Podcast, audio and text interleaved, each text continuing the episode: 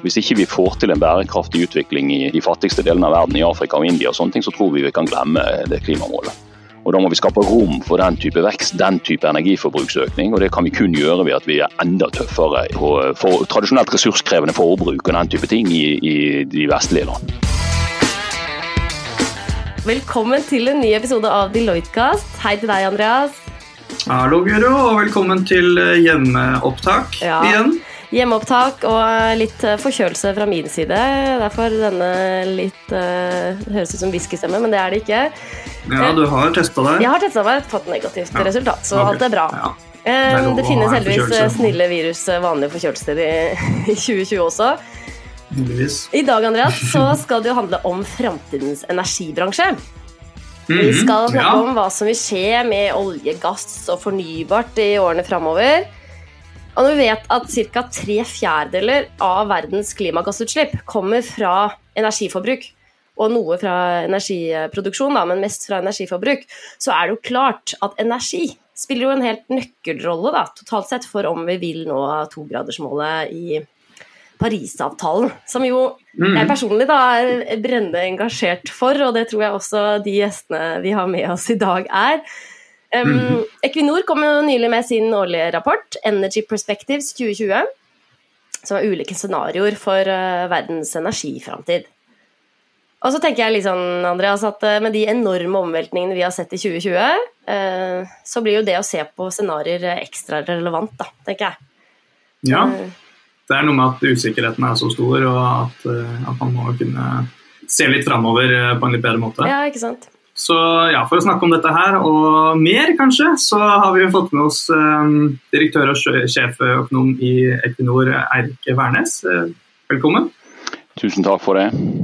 Og vi har også med Johannes Vik, som er partner i Deloitte og bransjeleder for energi, naturressurser og Industri i Norden. Velkommen. Hjertelig takk. Jeg tenkte vi kunne begynne med, med Eirik. Ja, vi må høre litt om deg eh, først. Du har en litt sånn uavhengig rolle i eh, Equinor, og så hørte vi om denne rapporten også. Kunne du ikke fortelle litt om det først? Jo, jeg har jo en veldig uavhengig rolle når det gjelder energifremtidsutsikter energi, frem, og scenarioer. Og, og den rapporten vi lager hvert år som heter eh, Energy Perspectives, den er utarbeidet av, av mitt team eh, i samarbeid med en del andre team i selskapet. Den er helt uavhengig av eh, selskapets ledelse. Der eh, får vi anledning til å se inn i krystallkulen og forsøke å modellere og bygge på ulike forutsetninger om hvor verdens energiforbruk kan gå fremover eh, globalt, helt til 2050 og forbi. Eh, Og Det gjør vi med basis i, vårt, våre beste vurderinger av hva som kan drive utviklingen. Og Når du legger vekt på ulike forutsetninger, så får du veldig forskjellige fremtider, avhengig av hva du tror kommer til å prege utviklingen mest.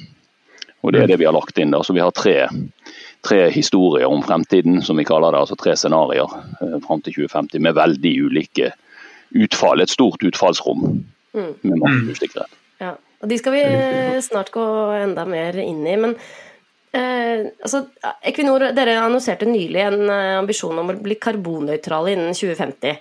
Og Det er en del av strategien til Equinor. Men det, så det er f.eks. en ting som du og din avdeling ikke har noe direkte med å gjøre, ikke sant? Den, den strategien, f.eks. Ja, det stemmer. Eh, altså, Equinors strategi er jo én ting. Det er jo, altså, det er jo hva selskapet ønsker å gjøre og prioriterer å gjøre. Og så prøver vi å, å ta investeringsbeslutninger som, eh, som da er så, så trygge og gode, så robuste som mulig. eh, Litt uavhengig av utfall. Eh, og så har vi da disse scenarioene våre som da er en beskrivelse av hvilken type fremtid er det selskapet da eventuelt må tilpasse seg. Og Da forsøker vi å gjøre det sånn at uansett hvilke beslutninger vi tar, så er de lure, gode, uh, uavhengig av utfall. Uh, og I den sammenheng så har jo selskapet nå, eh, nå bestemt seg for å ha en, eh, en netto null-ambisjon, inklusiv eh, kundene våre sin forbrenning av olje og gass i 2050. Uh, og det er jo en strategi som må forstås eh, i en sammenheng der eh, hvis verden skal ha noen som helst sjanse om å gå i riktig retning i klimapolitikken og nå klimamålene, så må aktører som Equinor være blant de som er netto null. Det betyr jo ikke at, eh, nødvendigvis at alle andre kommer til å klare det. Men hvis ikke vi klarer det, så klarer vi det i hvert fall ikke. Så det, og der, Derfor så vil du se at flere og flere store internasjonale oljeselskaper, eh, spesielt i, i Europa og og de som er i Nordvest-Europa, eh, utvikler den type ambisjoner. Når det er sagt, så er det jo en utrolig vanskelig og hårete ambisjon. Eh, så det er jo ikke gitt at vi får det til, men vi må i hvert fall prøve. Og, og eh, Vi er veldig avhengig av hjelp for å få det til. Sant? Altså Rammebetingelser må legges til rette. Samfunnet må jo gå i riktig retning, hvis ikke får vi det ikke til. Kundene våre, må evne å tilpasse seg. Og det må være. Ja, ja, og det må være, ja, etterspørselen må endre seg i riktig retning. Og det må være muligheter for å gjennomføre tiltak som kompenserer for de utslippene som tross alt vil være der, gitt at vi brenner olje og gass fremdeles i 2050. Mm. Ja, fordi det er, det er, er, dette er jo en veldig kompleks eh, greie. Så I preppen her så ble det jo tydelig at vi så La oss begynne med sånn, litt sånn basic eh, energibransje her først. da. Uh, vi har jo funnet ut at altså det med kraft det er noe som går på et lokalt marked, mens gass det er mer regionalt, og olje det er et typisk globalt marked. Da. Kan du si noe om hvorfor er det egentlig sånn? Ja, altså, olje er jo et eh, produkt som eh, er fantastisk enkelt å transportere. Eh, og det, det er en av grunnene til at vi bruker så mye av det. Det er så fleksibelt. og Vi har det i bensintankene våre eller på, i tankene på båtene, og vi frakter det rundt i verden. Så transportkostnadene ved å flytte olje fra et punkt til et annet er veldig små relativt sett i forhold til energiinnholdet i oljen. Så olje, men så er olje ikke olje. Er vi, vi fast, I min, min, avdeling så fastsetter vi jo da prisanslag på over 100 ulike typer oljer. Av til ulik kvalitet. Tyngde, eh, karboninnhold, eh, svovel. Eh, og, men det er et globalt marked for det. Så hver av de oljeprisene har en global Ja, vi, den, den, prisen vi vanligvis snakker om i Norge, er jo den som heter Brent. Det er en oljekvalitet som ligner veldig på den som kom ut av Brent-feltet i UK for lenge siden. Nå er det veldig lite olje igjen der. Men så har vi da konstruert noen indekser og noen, noen, noen, noen, samlede oljer i Nordsjøen som har de omtrent den samme kvaliteten som er Brent. Og Det går på hvor lett den er og hvor mye svovel der er og, og, og dermed hvor sur den er, som vi sier, osv. Eh, men det er mange andre, veldig mange andre. altså Oljesand i Canada kommer ut av, med forskjellige typer. Den ser ut som tjære i utgangspunktet. Og så har vi tungolje i Venezuela, som er mye mer energikrevende å få ut, som et eksempel. Og som må, må gjøres mye mer med hvis du har lyst til å få den til å ende opp som, som bensin eller flybensin i, i, i et raffineri. Mm. Så har du gass. det er vanligvis et, altså Når vi har tørket gass, når vi har fått vekk de våte komponentene i gassen, eh, som vi f.eks. gjør på Kårstø i Norge, så er det en, en, et ekstremt enkelt og likt produkt over hele verden. og det heter, For kjemikere så heter det CH4, det er metan. Eh, men der er problemstillingen for gass er at, at, eh, transportkostnadene for å flytte gass er mye, relativt sett mye større. Sant? Du kan tenke deg, Vi har tusenvis av kilometer med rørledninger på norsk sokkel for å få dette til Europa. Hvis distansen blir veldig lang, så må vi over på båt på LNG. Og Da kan vi frakte gass fra Nord-Amerika nå eksempel, eller Australia eller Qatar helt til Europa og Asia.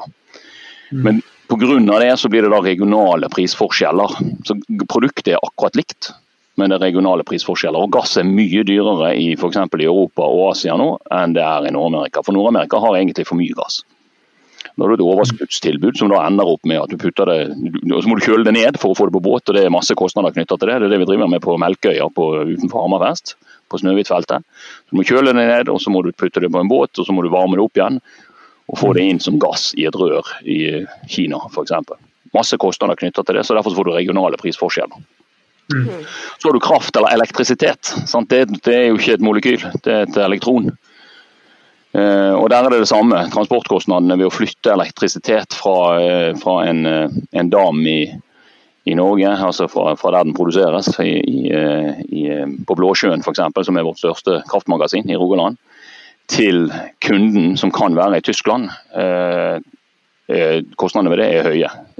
Og du taper veldig mye energi hvis du flytter elektrisitet langt i elektrisitetsnettene. Vi har, vi, og vi har jo fem prismarkeder vi har fem markeder i Norge. Fem forskjellige prissoner. Uh, og Det har med sånne ting å gjøre. da. Uh, Frankrike er vel det eneste landet i Europa så vidt jeg vet, som bare har én kraftpris. Også Tyskland, ifølge mannen min, for mannen min jobber i Statene, så det holder på med I Tyskland, ja. ja. vi drev og snakket om det her i går kveld. Ja. Ja, det er jeg litt usikker på, men ja, nei, det kan hende. det her får vi sjekket. Men i hvert fall han, eh, han, mente at det var helt håpløst, i hvert fall fra hans perspektiv. da. Så han var, I Norge burde vi hatt egentlig sånn ideelt sett en million ulike Ja, det, og det er jo vanskelig å orientere seg i et sånt marked, selvfølgelig. Men, men det, det, så, så, det har jo da både med transport og geografi og, og dette at produktene er litt ulike. Sant? Mm. Mens elektrisitet er jo veldig enkelt, gass er veldig enkelt, eh, mens eh, olje er veldig komplisert som produkt. Ja. Men Johannes, det her med at f.eks. elkraft El, elkraft er såpass lokale markeder, det henger vel sammen med det at såpass store forskjeller i hvor det er lønnsomt å investere i fornybart f.eks., for eller? Vindmøller? Klart, et, etterspørsel følger jo på en måte, eller Tilbudet vil jo ofte følge etterspørselen. Mm. Uh, og Derfor ser man jo også økende grad at investeringer for eksempel, i uh, fornybar vil skje i områder der det er et marked som kan ta av dette. I Norge har vi veldig mye vannkraft. Uh, mens i UK for eksempel, så kan jo de erstatte for eksempel, en del fossilbrensel med f.eks. Vind, vindproduksjon. Nå vil nok det skje i Norge også med elektrifisering av sokkelen. Eh, men selv om på en måte markedene her er separate, som Erik beskriver, så er det klart det er en viss kobling òg. Altså, produserer du olje, så produserer du ofte gass. Eh, og hva er på en måte primærdriveren for det du produserer? Du ser jo også, Jeg sitter jo midt i Bergenshalvøya. Her har vi underskudd på kraft. Eh, og overføringskapasitetsproblemer, bl.a. pga. For forbruk av elektrisitet til industri. Da. Så det er en viss kobling, men det er klart det er jo etterspørselen som driver tilbudet i praksis. Mm. Og dermed prising. Så, som vi nevnte litt innledningsvis, så har dere publisert uh, de nye energiscenarioene, Eirik, og Energy Perspectives, nå for tiende gang. Kunne du kort dratt oss gjennom hva de er, og, og hva som skiller de ulike tre? Ja, som sagt så er det jo da en fremskriving av verdens eh, energietterspørsel eh, primært, og energimiks.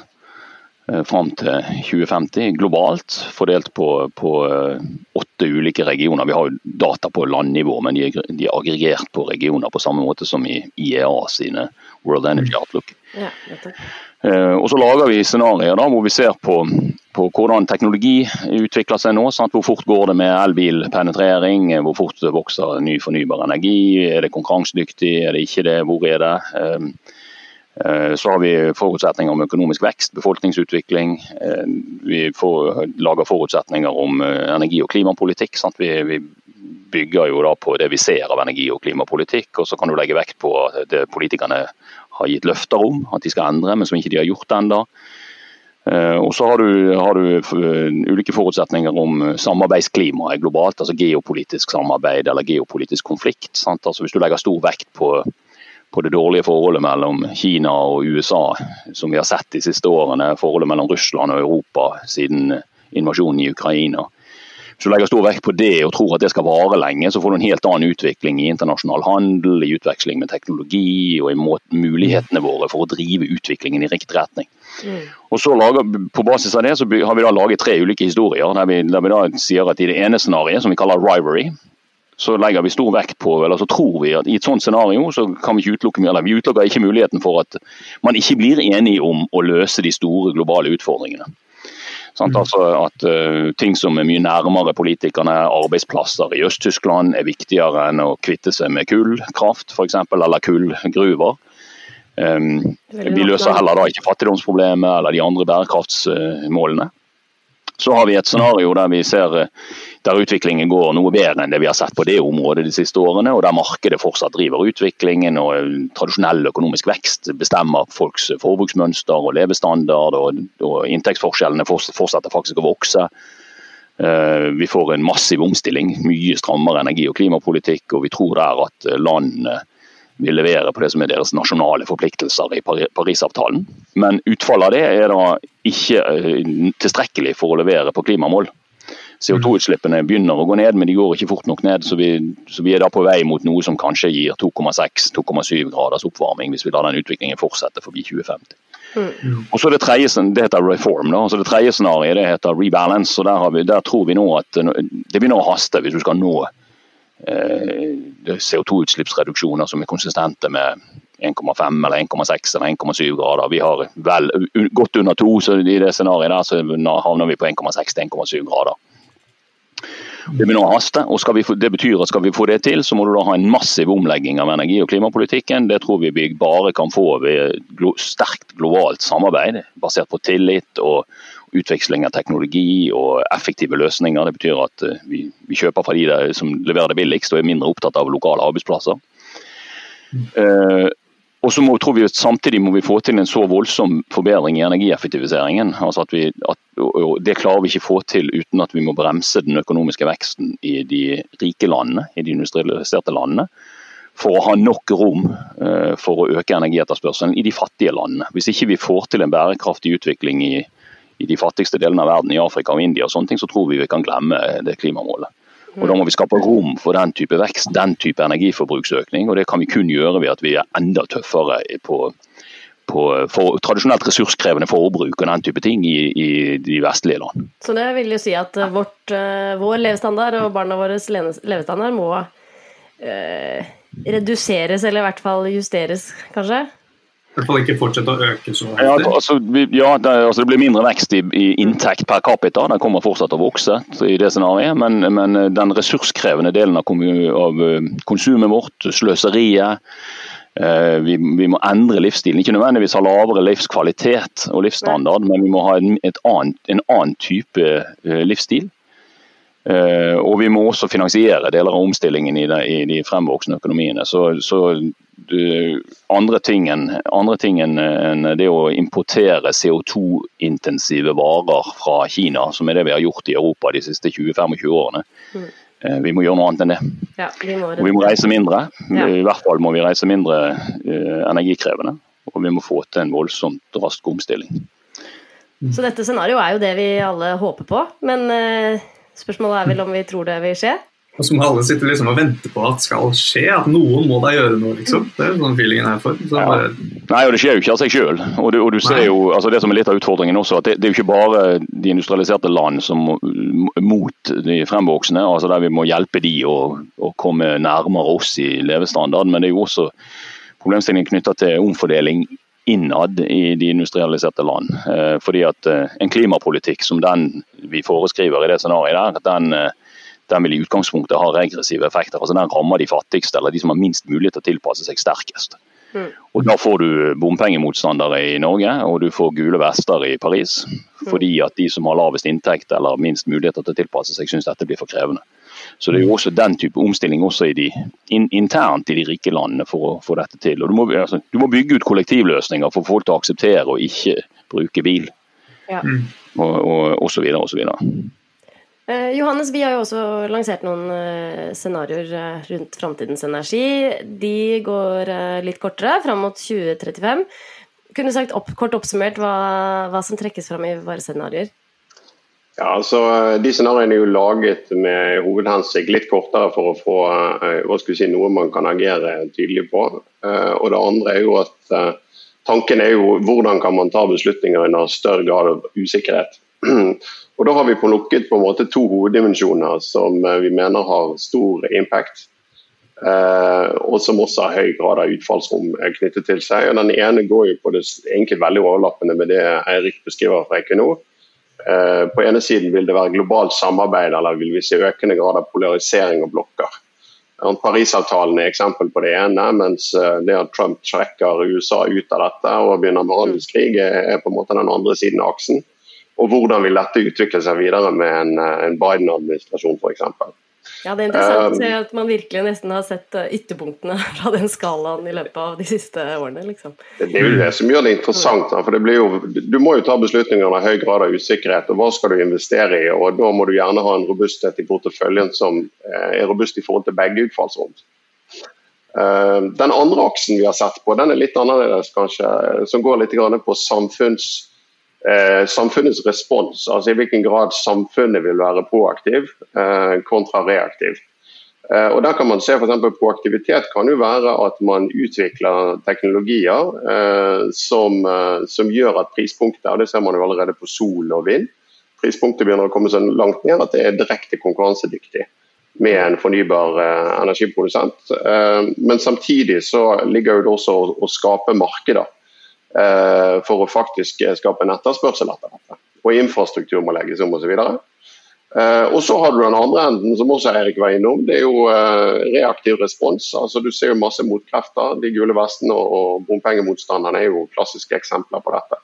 Så hva er det på en måte som blir tungen på vektskålen? Og Kombinerer du disse to dimensjonene, så får du da det vi har kalt one team, one dream. altså med andre ord både proaktivitet i forhold til samfunnets respons, kombinert med godt samarbeid globalt. Eh, men du kan også tenke deg at du får en god produktivitet uten globalt samarbeid. Altså dette med teknologiutvikling. Og I motsatt ende av skalaen så har du jo rising tides, vi kaller det. Uh, der man egentlig har samarbeid, men med primært fokus på handelssamarbeid osv. Men mindre grad fokus på klima. Uh, det er jo kanskje der vi kommer fra i, stor grad, med store, altså globaliseringen. Og sist, men ikke minst Me and My Resource, altså der du rett og slett får veldig harde blokker og veldig reaktiv respons i forhold til klimaspørsmålet. Og Da handler det egentlig om å fendre for seg selv og mine ressurser, om jeg sitter i Saudi-Arabia eller USA eller Russland, for den delen. Så, um, så, der har du et ganske stort utfallsrom. og Man kan jo kjenne seg igjen i alle. Mm. som sådan, Så det blir spennende å se hvordan ting spiller ut. Hva tenker du er de største forskjellene fra Equinor sine scenarioer? Hva skal vi svare på det, Erik? Da er det, er det tre kontra fire scenarioer? Ja, det er jo egentlig det. Tre kontra fire. Altså, tre, tre, av deres er jo veldig like våre. Altså, og så går dere til 2035, vi går til 2050. Men, men, utviklingen til 2035 er jo veldig like i våre tre scenarioer og de tre parallelle. Så det vi mangler, er jo dette scenarioet som, som eh, der du har en sterk eh, samfunnsmessig interesse og bevegelse i retning av å få til noe, men hvor du har geopolitisk konflikt. Mm. Hva tror dere er mest sannsynlig at det kommer til å skje? Ja? Mest sannsynlig så havner vi et sted midt inni dette.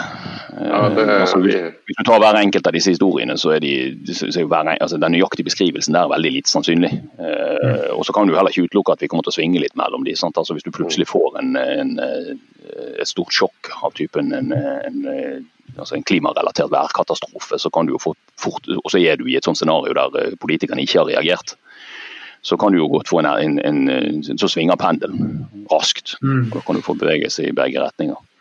Du kan vel, kan vel trygt si at alle, alle scenarioene er eksakt feil. Um, men spørsmålet er jo om de er nyttige i forhold til å forstå hvordan man kan på en måte tilpasse seg uh, de ulike scenarioene, uh, uavhengig av ufallsrom, egentlig. Mm. Uh, men et spørsmål til deg, Erik, som jeg tror kanskje skiller Deloitte og Equinor litt. Hvis du kunne tatt litt mer om eh, normative scenarioer kontra preskriptiv. Vi har jo vært relativt preskriptiv, men dere har jo et mm. mer eh, hva skal si, normativt scenario. Hva dere bruker det til?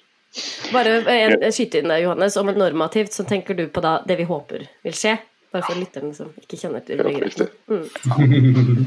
Ja, altså, jo, ja, det er jo, det er jo for, altså, for, å være sikker på at vi sant, altså, vi, tar, vi, er jo ikke klimaforskere og klimaeksperter hos oss, så vi tar jo for gitt det klimaforskere og IPCC og IEA sier er nødvendig for å nå eh, klimamål. Og Da har du et karbonbudsjett. Eh, der er det mange av de, men, men så har vi nå brukt noen av de som brukes, eh, brukes mest. Og da, da, du en, da, har du en akkumulert bane for de CO2-utslippene du kan tillate deg fram til 2050 for å være på vei mot en eller annen global oppvarming.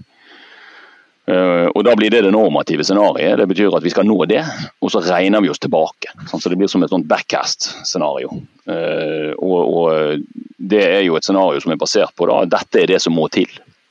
Uh, og Så justerer vi jo forutsetningene i det fra år til noe annet. I år har lagt større vekt på dette med rebalansering. Så, så det, det, er jo sånn det er normativt. Eh, de andre to scenarioene våre da, er jo mer fremskrivinger, der vi legger ulik vekt på, på forutsetninger. Men der blir, der blir, sluttresultatet i form av akkumulert, akkumulert CO2-konsentrasjon i atmosfæren den blir jo da en residual. Den er en avhengig variabel og ikke en, ikke en forutsetning. Så Det er egentlig det som er forskjellen eh, mm. i måten vi lager de på. Vi skal, vi skal, snakke litt mer om hvorfor det å nå disse målene er så vanskelig. Um, og En debatt som uh, gjerne kommer og går litt uh, i Norge, uh, er jo om vi f.eks. skal åpne nye oljefelt. Um, Men hvis vi skrur den liksom helt uh, motsatt òg. Eh, rent hypotetisk. Hvis vi hadde skrudd av kranene og kalle det sånn, uh, i, i, Norge og sluttet helt utvinning av olje i Norge, hva, hva, er det som egentlig ville skjedd? Begge tar pusten. Ja, altså, altså, hva hadde skjedd globalt? Globalt hadde det ikke skjedd noen ting, nesten, i forhold til oljeetterspørselen sant? over natten. Mm. Det, det er jo da ville de som etterspør olje og skal komme seg på jobb dagen etterpå, de ville jo da sett etter, eller de, de raffineriene som da skal fylle bensintankene dagen etterpå, de ville jo da sett etter andre kilder og, og snudd seg rundt. Og du kunne fått en effekt selvfølgelig på, på kort sikt, så ville du fått en effekt på prisene. Uh, og Spesielt etter den type oljekvaliteter som da Norge leverer, og som da måtte noen av de store raffineriene primært i Europa da måtte funnet andre kilder til. Mm. Og så vil du fått en viss effekt på etterspørselen på kort sikt, og så på, på, litt lengre sikt så vil jo, tror vi, flere og flere da kommet på banen og erstattet den oljen med olje fra andre felt. Mm.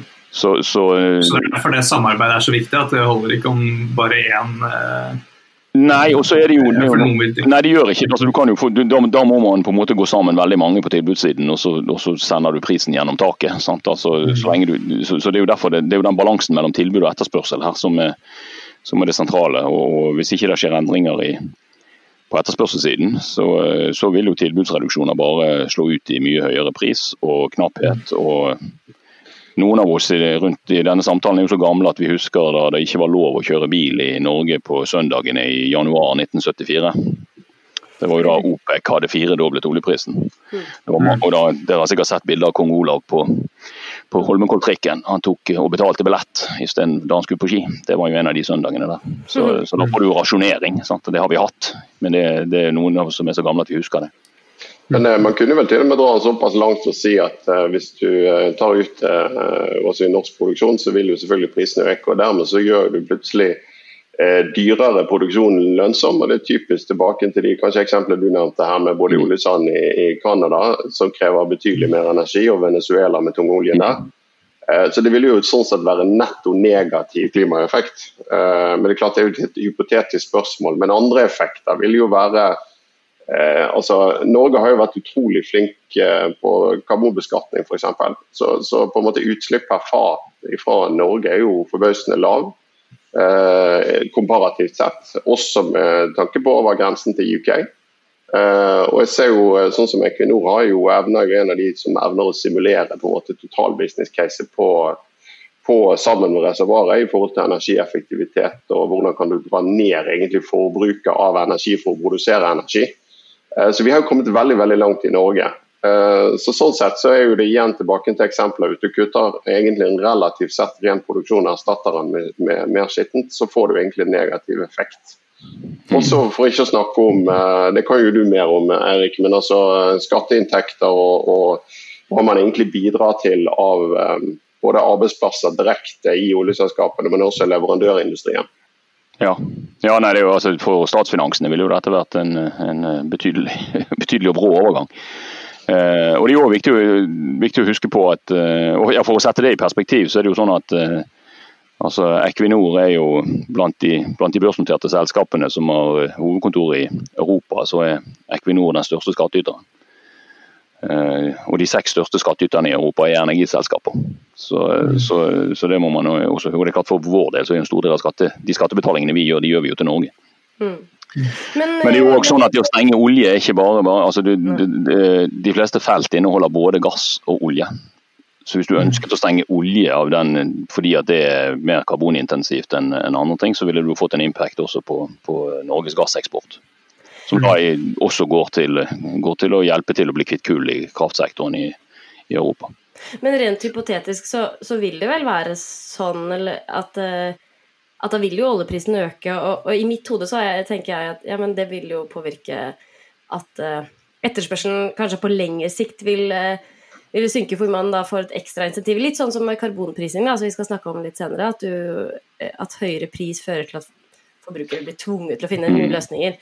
Men med det sa du også blant annet, Johannes, at det Nei, det vil ikke skje. Eh, hvorfor det? Forstår ikke helt. Uh, nei, altså Det ene er jo det globale markedet vi var inne på. Men jeg tror det som er en positiv effekt, og hørtes jo kanskje ut som vi forsvarte på en måte evig produksjon på norsk sokkel. Uh, for det er fortsatt et klimaspørsmål. Men hvis du ser en annen effekt uh, som har oppstått, det var jo forrige olje, altså nedtur i oljeprisen så så man jo at det gikk jo utover en del leverandørindustri, og de begynte jo å omstille seg ganske kjapt. Men du klarer ikke å gjøre det sånn over natten bare ved å skru, det blir for brutalt. sant? Mm. Men det man så i forrige nedtur, det var veldig mange begynte å ta teknologien man leverer til olje- og gassindustrien, og bruke den f.eks. inn mot offshore vind, bruke den inn mot havbruk. Og den ser vi egentlig faktisk akselererer. Så omstillingen i Norge og norsk leverandørindustri er mye mindre avhengig f.eks. av olje- og gasselskaper i dag enn de var bare for noen få år siden. Ja. det tror jeg er Spørsmålet er også om dette med å stoppe produksjonen. og det er viktig å putte det, sette det i perspektiv. For det første så er det sånn at Den norske oljeproduksjonen i dag den er vel en fjerdedel omtrent av det som er den ledige produksjonskapasiteten i OPEC akkurat nå. Så Hvis vi hadde stoppet, så, så ville noen andre kunne erstatte det ganske raskt på kort sikt. Mm. Ja. Uh, I tillegg er det jo sånn at Hvis vi ikke investerer, altså hvis vi ikke borer nye brønner, hvis vi ikke bygger mm. ut nye felt, så vil du globalt sett tape så Du mister en 4-5% hvert år, minst. Eh, av produksjonen fordi at trykket faller i reservoarene. Så Vi må hele tiden jobbe med å opprettholde produksjonen, og så må vi, så må vi investere i nytt. Altså vi må, vi, må, sette installasjonene på toppen av Johan Castberg-feltet, for å si det sånn, selv om vi vet at det, det er funnet. og sånn, Men for å gjøre det til reserver og kunne produsere det, så må vi investere på toppen. Så hvis vi, hvis vi lot være å investere, så ville produksjonen falle ganske raskt. Og mye raskere enn etterspørselen også i et sånt rebalance-scenario, eller eh, one, one, team, one dream, nei, hva er det det heter, dette scenarioet deres. Så, så det er òg et viktig perspektiv her, er jo at, eh, at eh, selv om etterspørselen etter hvert begynner å falle, og skal begynne å falle raskt, både etter olje og til slutt etter gass også, så, så må vi jobbe med å opprettholde tilbudet på det nivået som etterspørselen er likevel, for ellers faller tilbudet raskere. Mm. Så Kanskje vi skulle gått inn på det. da, Hvordan, eh, hvordan skal man i så fall da få med dette, denne etterspørselen? Det høres ut som det er nøkkelen her til det hele. Det det som ligger som en sånn kile og, og gjør, det, mm. gjør, det, vanskelig. Klart det, det, det, hjelper jo å ha et marked uh, som sådan. Uh, men altså, det ene Jeg tror det er tre ting som på en måte popper opp i mitt hode. Det ene er å skape transparens og begynne å prise på en måte karbonfootprint. Og det tredje er jo faktisk vår evne til å begynne å eksperimentere og lære i en relativt usikker verden. Og Det første med transparens, det, det handler jo litt om at vi rapporterer. Jeg så faktisk en liste her på karbonfootprint. Der figurerte faktisk Equinor. Eh, kom forbausende iallfall høyt opp på den listen i forhold til en del andre. Eh, innbefattet bl.a. Scope 3 eh, eh. Og når jeg begynte høyt å gå litt... Høyt på listen betyr? Eh, det var relativt stor karbonfootprint. og Så begynte jeg å undersøke den litt nærmere, for jeg syntes det var litt rart i forhold til de andre på listen. Og oppdaget da at Litt av grunnen til at Equinor kom så høyt, det var det at man var flinkere å rapportere enn en del andre som slapp unna. Så det der å på en måte ha like spilleregler og sammenligne epler og pærer, det tror jeg er utrolig viktig. Da tror jeg faktisk også eh, vår bransje, Big Four-bransje, kan bidra eh, til å få standardisert og rapportert dette på en, på, en, på en måte som gjør at man kan agere og ta beslutninger på det både på investor og på selskapsnivå. Eh, det andre går jo på dette med, eh, med karbonprising. Eh, vi ser jo effekten i Norge av utslipp, altså CO2-utslipp og skatt på det. Men hvordan kan man på en måte ta det mye bredere på tvers av landegrenser og skape felles spilleregler? Hva slags effekter har vi sett av det? Nei, det, så, det, var litt jeg var inne på her tidligere, at vi har jo relativt sett lave utslipp per fat vi produserer f.eks. Eh, så vi har betydelig mindre fakling. Det er fordi man, man, har blitt tvunget til å måte, innovere og finne rene måter å utvinne Rent forretningsmessig intensiv eh, når du får den type eh, virkemidler. Og det slår jo likt. Altså, vi, har hatt, vi har jo hatt høy CO2-avgift i Norge siden 1991 på, på olje- og gassektoren. Like lenge som vi har hatt CO2-avgift i bensinavgiften. Så, så, det, da, jo, da, står jo vi overfor valget mellom å betale den CO2-avgiften eller å sørge for at utslippene går ned. Og det er CO2-avgift på produksjonen for dere? Ja, på energiforbruket. Altså det energiforbruket vi har der ute. Som, det er jo den CO2-avgiften vi sparer når vi elektrifiserer.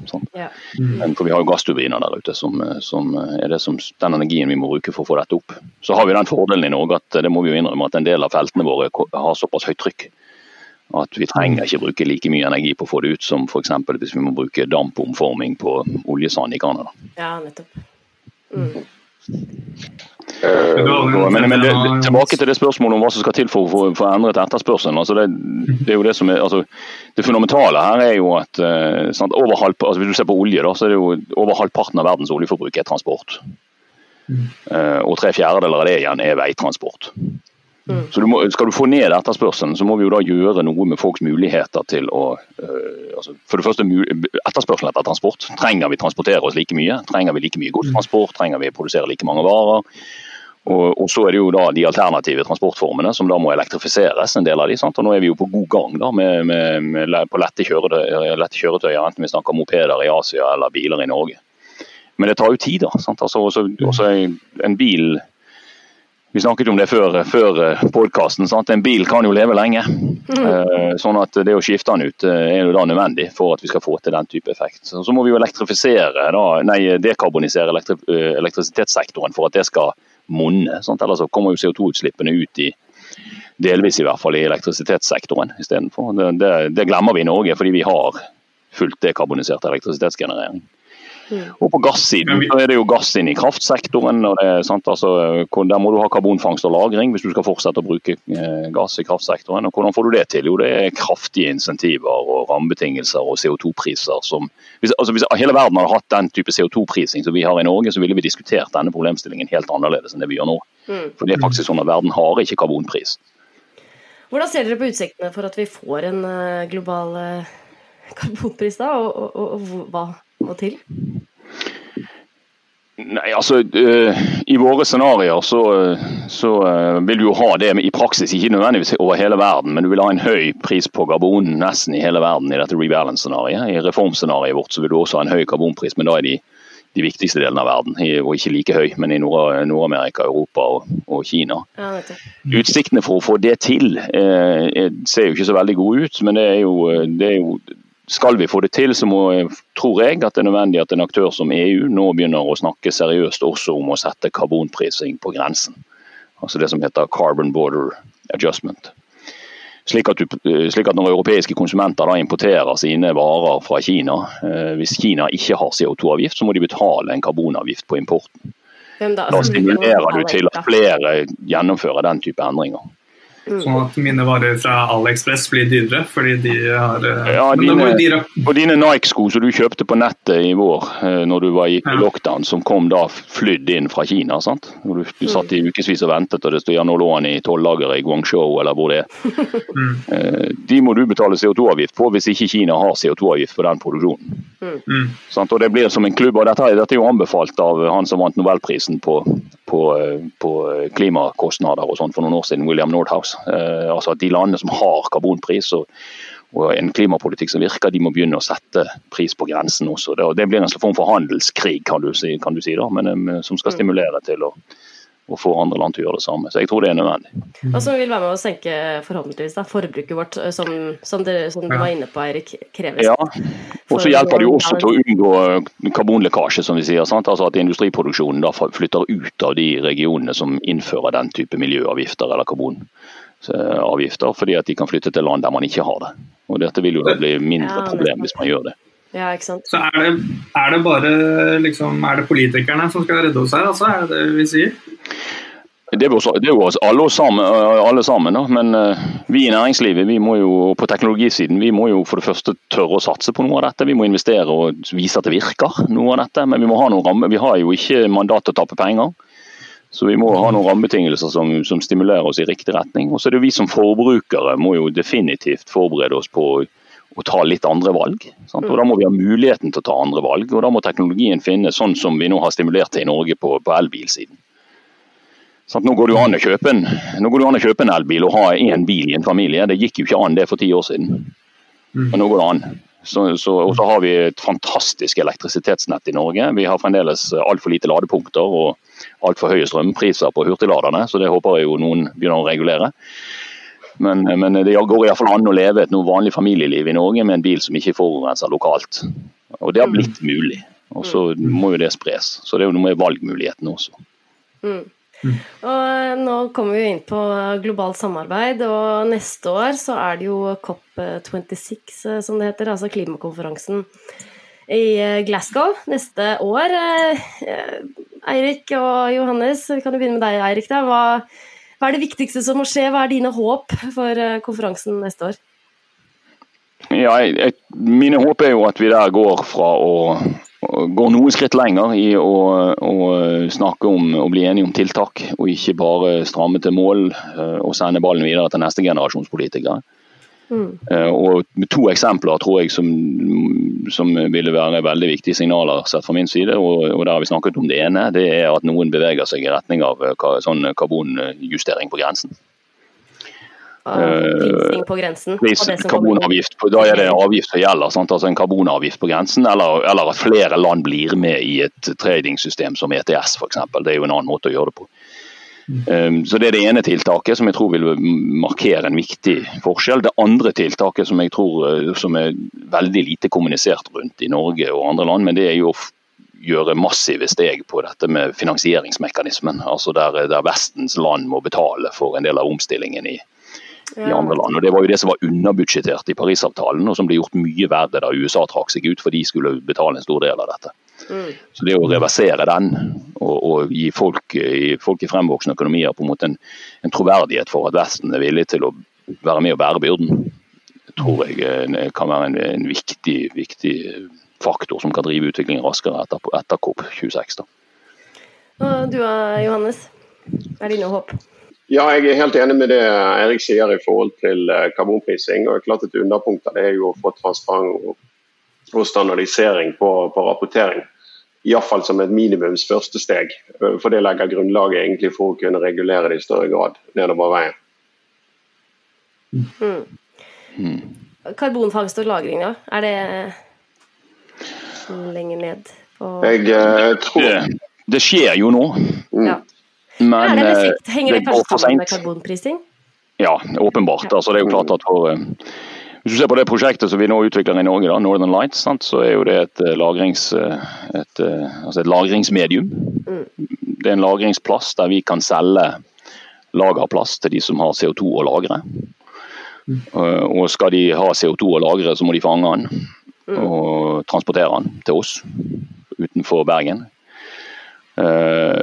Og Skal de fange den, så må de ha en pris på karbon som er høy nok til å forsvare de kostnadene. Ja. Eh, enten må de få hjelp av myndighetene til å gjøre det, eller så må da kostnaden som i dag for de fleste aktuelle kunder til det lageret, er jo ETS-prisen i Europa. Så, og Den må da dekke både fangstkostnadene, transportkostnadene og lagerkostnadene. De kan jo ikke forvente at Norge ikke skal ta seg betalt for dette lageret.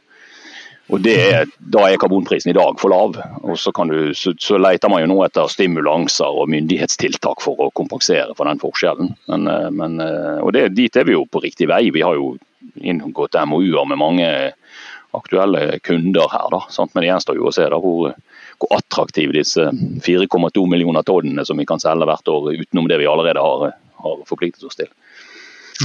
Og så må det bygges mange sånne. Altså vi, I vårt rebalance-scenario så har vi to milliarder tonn CO2-fangst CO2 og -lagring i 2050 globalt. Mm. Dette anlegget kan da ta fem millioner tonn, så da må du ha 400 sånne for å komme dit. Og Vi har, vi har lite karbonfangst og -lagring i forhold til mange andre sånne klimakonsistente scenarioer. Mm. Så her er det jo bare å, dette må vi utvikle. Og, og Det er svære investeringer. Sant? Det er masse kompressorer og og rør og forbruk av energi og fangst og transport og masse aktivitet. Masse mange muligheter for norsk leverandørindustri òg. Mm. mm. Veldig kule muligheter egentlig, men det, det kreves noe eh, karbonavgift der for å få det der lønnsomt. Mm. Um, ah, nei, eh, vi må virkelig håpe at det skjer, da. Men eh, spørsmålet er om hva vi kan gjøre hver og en av oss for at det, det, de store tingene her skal skje neste høst. Er du noe mer optimistisk, Guro? Eh, tja jeg vet Noen ganger så føler man seg litt liten, da. I hvilken rolle har eh, vi som sitter her eh, eh, Vi får jo stemme, får stemme på riktig parti, da. Det blir vel det vi kan gjøre. Eller er det andre ting, Johannes og Eirik? Tror, for det første så skal man iallfall ikke fortvile over at det virker veldig vanskelig å komme til, eh, til et sånt 1,5 eller 1,7 grader scenario. fordi at uh, veldig mange av de tingene vi må gjøre, de, kan, de, vil jo også hjelpe om ikke vi gjør de i det omfanget som er nødvendig. Så, så det, er jo, det, er jo, veldig viktig å bevege seg i riktig, riktig retning her, både når det gjelder energieffektivisering og når det gjelder, gjelder, endringer i forbruk og sånne ting. Så, så, men, og, og man, man, Det hjelper iallfall ikke å gå rundt og ha veldig dårlig samvittighet. Og, og, og så er det jo viktig å huske på at vi må ikke vi må ikke sage over den greinen vi, vi sitter på heller. Sånn, så Vi bør unngå å gjøre de dummeste tingene. Og så må vi skape oss rom vi må også skape oss rom for å teste ting. Det, det, er ikke alt her vi kommer til å få til. Altså, vi kommer til å satse på feil teknologi. Vi kommer til å innimellom. Vi kan, kommer til å satse på Betamax, og så var det VHS som vant sant, i videoverden for 30 år siden. Så, så det er også, sånn, så Man få lov å prøve, og, men vi må bevege oss i riktig retning. og det er klart at i Norge nå så er vi jo utrolig altså Vi er jo det landet som folk ellers burde se til. Sant? Vi har 100 eh, fornybar elektrisitet. Vi har nå 60% av nybilsalget eh, elektrisk. Vi har ingen oppvarming nesten basert på fossile brensler, det er også elektrisk. Eh, men, men så vi, så det vi sliter med i Norge, er jo det vanskelige. Altså Dette er de høythengende fruktene i, i avkarboniseringen og elektrifiseringen.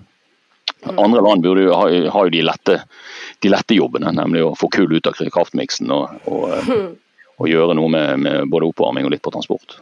Så, Men vi har jo høyt forbruk i Norge, og vi har jo snakket en del om i episoden nå at etterspørsel her, der er vi alle mm. med å påvirke, så ja, ja ikke, bruk, ikke bruk varmepumpen til airconditioning i juni og juli, og få temperaturen ned fra 23 til 21 grader i huset, så bidrar vi litt. Så kan vi eksportere litt mer ren strøm til Tyskland. Og at uh, alle julegavene vi nå skal i, skal i, gang med å kjøpe, de har også et karbonavtrykk. Så går det an å mm. kjøpe gaver på Finn eller uh, støtte noen restauranter, f.eks. eller uh, være ja. litt kreativ på julegavefronten, da, tenker jeg. Restauranter med kortreist mat, sant? ja, med kortreist Og veggis, selvfølgelig. Ja. Mm. Nei, men uh, vi må vel begynne å runde av, Andreas. Det er vel fare for det. Mm. Um, det har vært kjempespennende, Johannes og Erik. Unnskyld, hva sa du, Andreas? Nei, det var akkurat det. Det har vært en veldig interessant diskusjon. Jeg har også lært mye. Det er, det er komplekst bilde, dette her. Eh, det er ikke alltid like lett å forstå liksom, fra utsiden hvor vanskelig det kan være. Eh, eller hvorfor eh, det går, det går treigere enn det man ser at det, det må gå. Da. Mm. Mm. Så det er, det er, godt å få et lite innblikk i, i det. Eh, og så må vi likevel ikke bare si at ok, sånn er forklaringen, og, og lene oss tilbake og være fornøyd med det. Vi må gjøre liksom hvert vårt òg, som vi var inne på på tampen. Så selv om det føles lite, det er ja. Alle monner drar. Ja, det gjør jo det. da. Alle monner drar. Ja, men uh, Tusen takk for at uh, dere kom, både Johannes og Eirik. Så takk for at vi fikk komme. Ja, så uh, får vi si som vi pleier, Andreas, at vi får en ny episode om to uker. Og mm -hmm. dere må bare sende inn uh, tips dere har til uh, nye episoder til podkast med C at deloitte.no. Ja. Viktig C. ja. Nei, men uh, takk for nå, og så får vi si som vi pleier. Vi høres. Vi høres.